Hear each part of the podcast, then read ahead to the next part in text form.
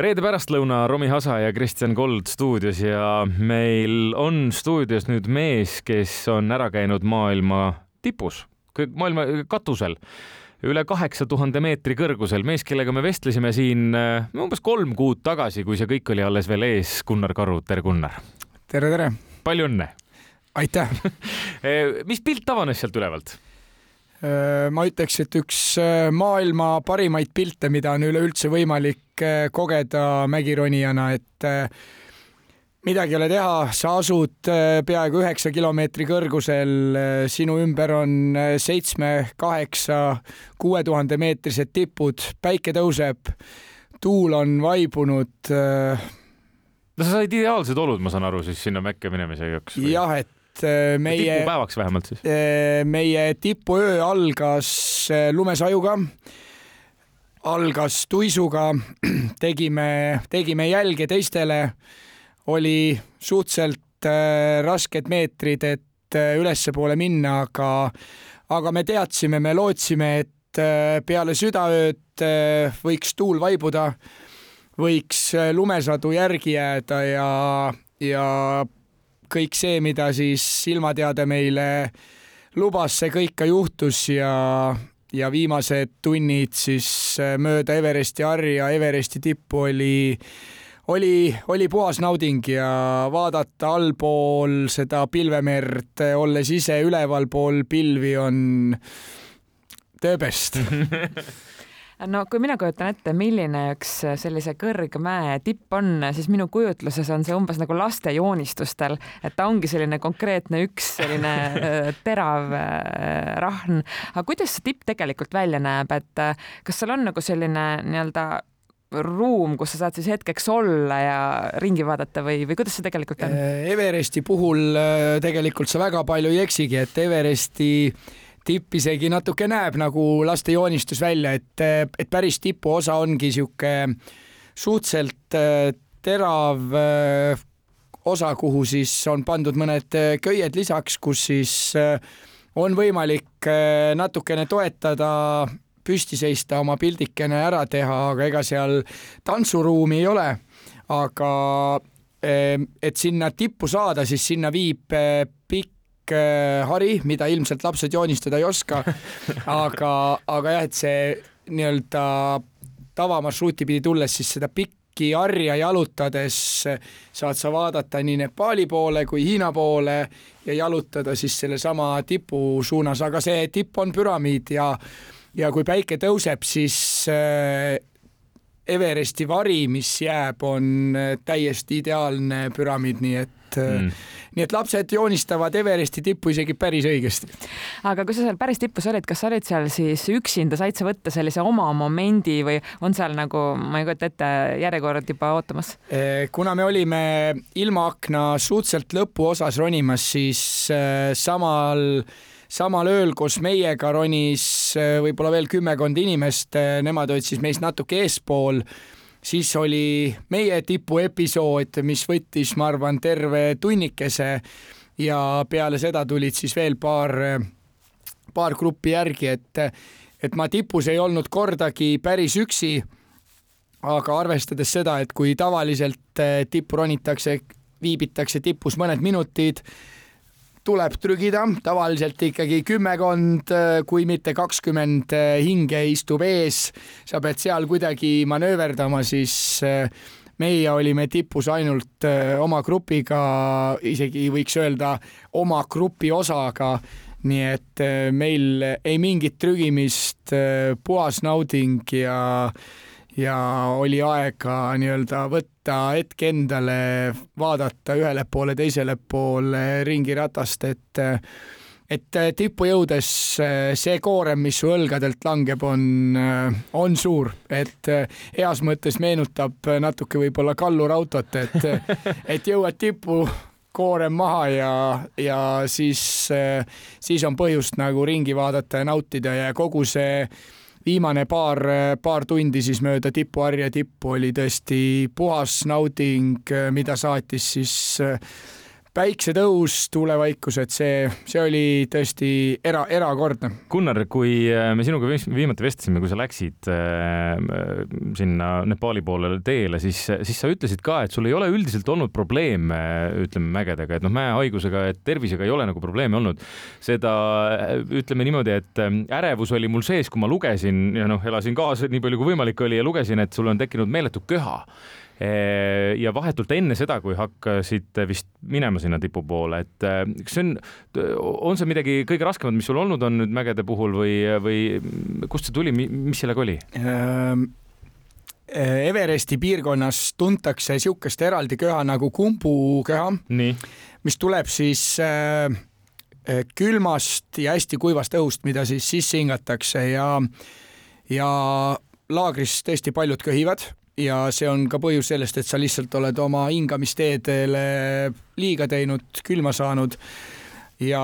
mul õnnestus siis kuidagi köha endale hankida täpselt äh, kaks päeva enne seda, kui me hakkasime tippu minema. aga minu köha oli niisugune kummaline köha, et äh, kui paljud ikkagi köhivad äh, vägagi valusalt, et need on tõesti valus on kuulda ja kopsutükke lendab. kopsutükke lendab, et äh, ja noh, näed, kuidas inimesed äh, hoiavad rinnust äh, kaelast kinni, et et ma köhisin, aga minu köha ei olnud kordagi valus, et ma võisin köhida ja naeratada, köhida ja naeratada, et ta lihtsalt segas olemist, segas, segas magamist, aga sul on alati sihuke kuklas tunne, et oodake, mis nüüd, kui see mm. edasi läheb, siis järgmine on nagu kopsupõletik ja siis on ronimisega kõik, et selles mõttes see, see tegi ärevaks ja sa tead, et sa kõnnid nagu suhteliselt äh, mööda niisugust äh, suhteliselt õhukest äh, nööri pidi, et kas nüüd läheb halvemaks, ei lähe. Õnneks ei läinud, aga sa pead ka arvestama alati sellega, et täpselt see, et kui sa ülevalpool hakkad hapnikku hingama, siis hapnik eh, balloonist tuleb veelgi kuivemana ja õhk eh, siis hapnikumaski tuleb väljast otse, ehk et täpselt see, et kui sa paned pähe hapnikumaski, siis sa ei saa enam oma nägu varjata torusalli või millegi muuga, et natukenegi sooja saada selle õhule. siis sa hingad juba külma ja nii kuiva õhku, kui veel vähegi võimalik on ja ja ülevalpool olles siis tõesti see köha läks natuke, natuke veel hullemaks, aga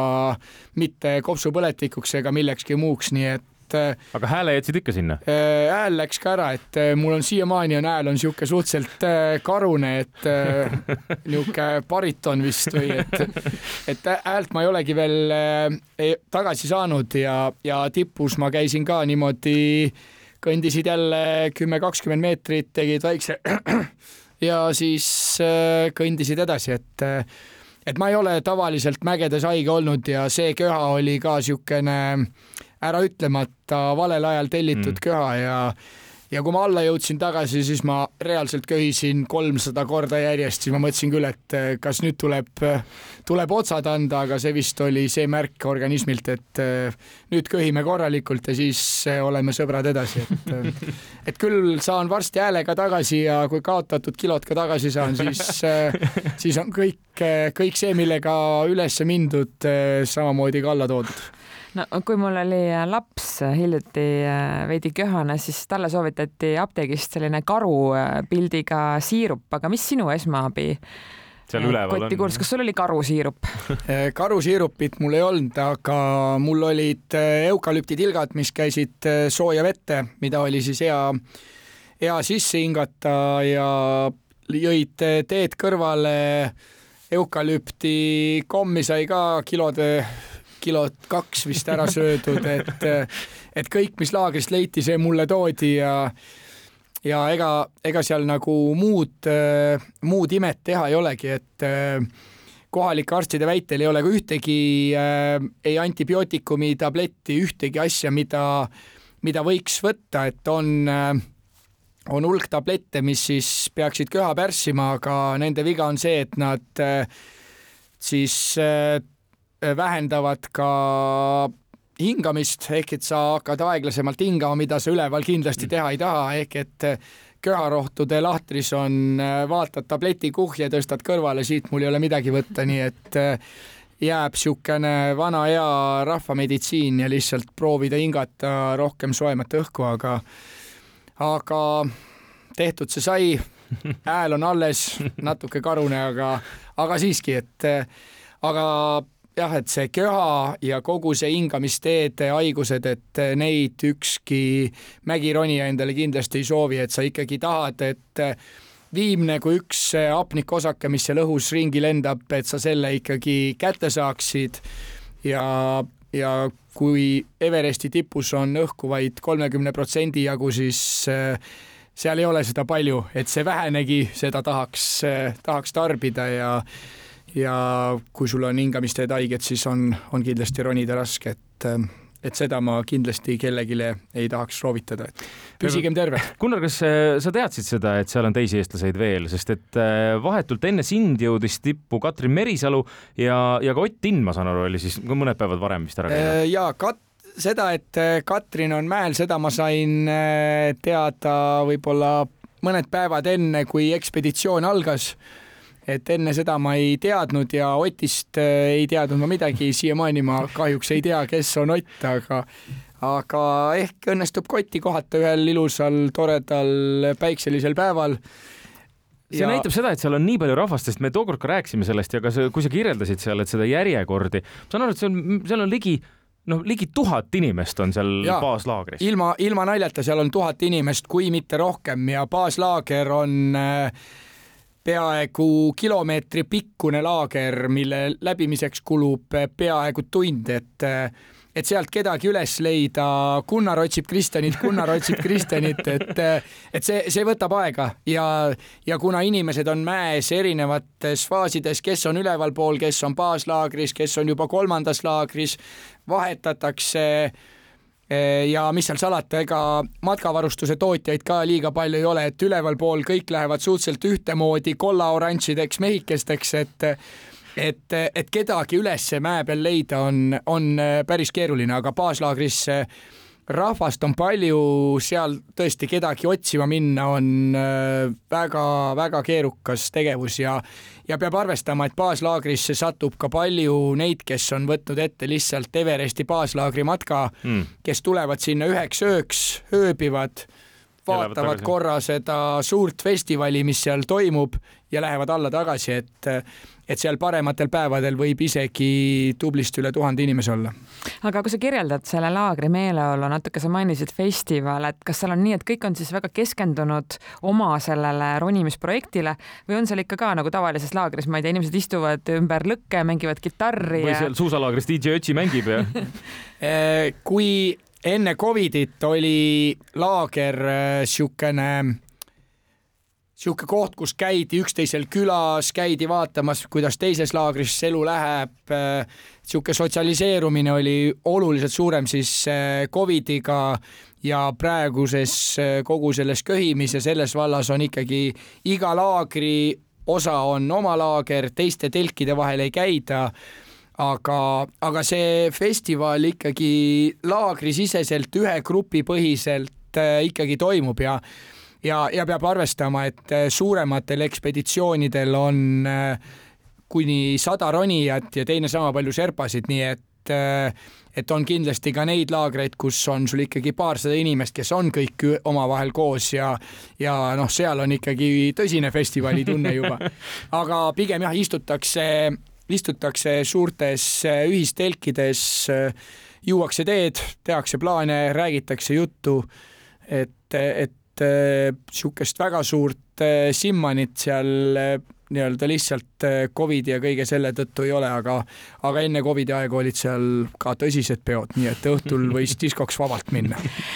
sa mainisid oma kadunud kilosid, kui palju neid kadus ja miks? kaduma on läinud Eh, Nepaali ametlike kaalumiste tulemusena üheksa pool kilo, et, et eh, arvestades seda, et eh, ma läksin ekspeditsioonile kaaludes seitsekümmend kilo, siis nüüd ma kaalun kuuskümmend kilo, et, et ma tahaks tegelikult neid kilosid tagasi saada, et,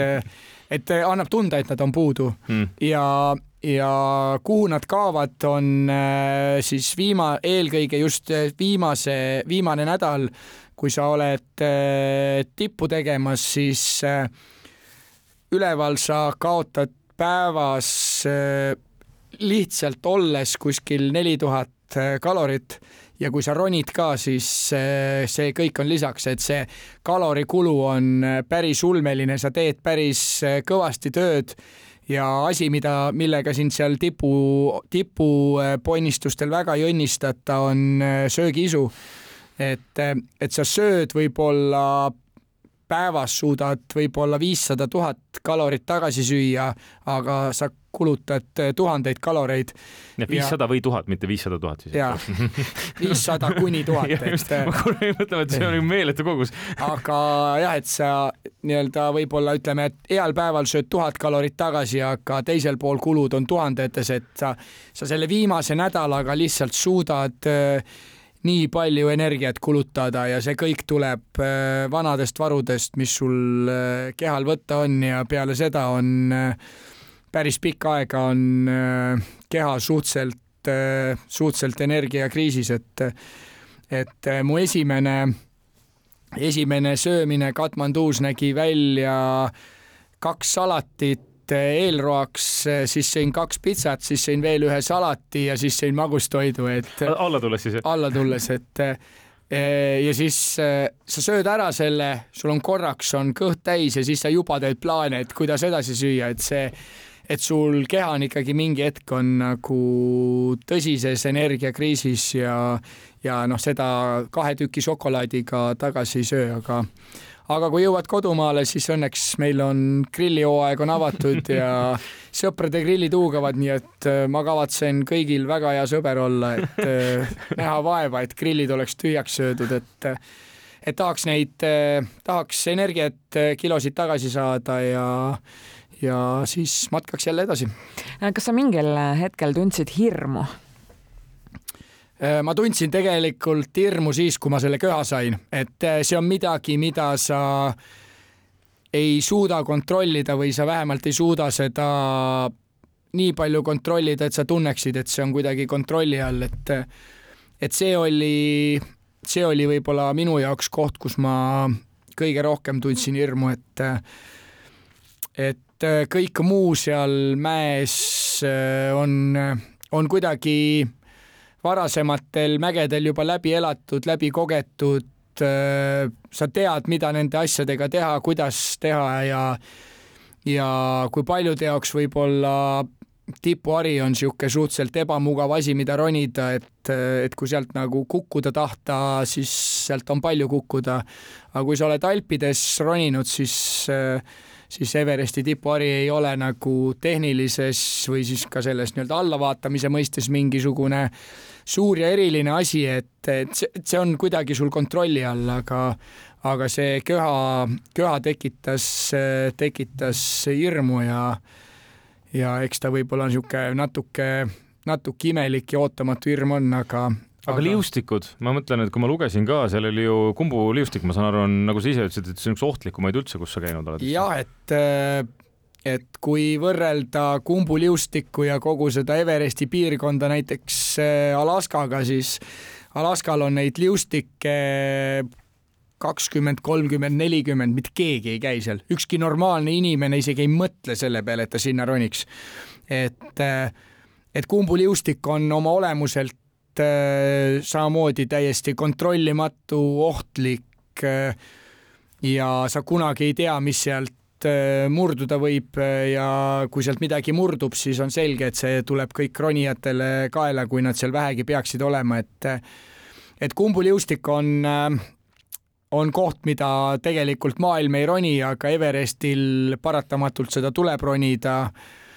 ja, ja kui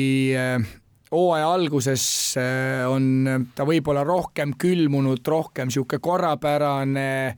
siis hooaja lõppedes äh, kõik need äh, tugiköied, lumevaiad, mis sinna on löödud, need kõik on noh, niisugune Nepaali eriks muutunud, et no niisugune fifty-fifty, et pooled asjad on sees, pooled ei ole. Ja ta ei ole nagu meeldiv koht, kus olla, aga aga, aga tuleb minna. tule, tuleb minna, et, et äh, osad ekspeditsioonid ka lendavad äh, helikopteriga edasi-tagasi mm. üle, üks ots viis tuhat eurot. kui raha on, võib, võib ka nii, aga, aga sinna tuleb minna, et mm. ja ta kindlasti on niisugune noh, ta on eriline koht, et, et sellest räägitakse palju ja kui sa seal ise ei ole käinud, sa võib-olla ei saagi aru, mis ta täpselt on, et aga kui sa sinna satud, siis sa saad aru, et sa, sa oled nagu väike sihuke nagu hiirekene labürindis, otsid oma teed, sul on järsud jääseinad, mida sa ronid teinekord kuni kümme, kakskümmend meetrit laiad lõhed, mida sa ületad, kõige laiem lõhe, mida me ületasime, oli siis neli redelit, mis on siis kokku pandud üheks tervikuks, mis õõtsub mõnusalt, kui sa seal kassidega peal kõnnid, et kassid ja redelid omavahel väga hästi läbi ei saa, aga, aga seal tuleb seda ületada, et see on, see on nagu ühelt poolt niisuguse erilise auraga koht, aga selge on see, et ta on ohtlik ja suhteliselt äh, ebasõbralik siiski. kas sa lähed äh, mõnel päeval uuesti Everestile? Äh, ma ütleks nii, et ma lähiajal ei plaani sinna minna. järgmine nädal kindlasti mitte. ma ei välista, et ma võin Everestile veel sattuda et kui keegi tuleks mõtete ja ettepanekutega, siis kindlasti oleks, mille üle diskuteerida, aga, aga hetke, hetkeplaanid näevad ette pigem seda, et järgmised äh, kaks aastat äh, on teised mäed, teised plaanid. Äh, need teised plaanid ei ole kodule mitte lähemal, vaid on veelgi kaugemal ja ja üks nendest plaanidest siis tähendaks ka erinevate kontinentide kõrgemate tippude ronimist, mis mis siis järgmisel kevadel viib mind Okeaaniasse ja järgmisel talvel siis Antarktikasse, et et need, need on ka kindlasti vägagi erilised kohad, et kuigi neid mäetippe ilmselt keegi ei tea ja kellelegi need mitte midagi ei ütle, siis see keskkond on, on väga eriline ja, ja seal ma ütleks, et käib rahvast oluliselt vähem kui kui äh, Everestil ja Papua Uus-Guineas äh, endiselt äh, siis suguharud peavad vibude ja nooltega sõda ja endiselt tuleb siis suguharu pealikuga läbi rääkida, kas ta lubab sind läbi või mitte. nii et need on kindlasti suured seiklused, mis on ees ootamas, aga aga hetkel niisugust järgmist kaheksatuhandelist plaanis ei ole, aga, aga mäed, matkarajad üle üle kogu maailma on endiselt plaanis ja, ja loodan, et õnnestub äh, seda pisikut äh, paljudele eestlastele ka järgnevatel aastatel nakatada, isegi siis, kui ei lehvita neile maailma tipust. Gunnar Karu suur,, suur-suur aitäh tulemast ja taastu nüüd palun. saab tehtud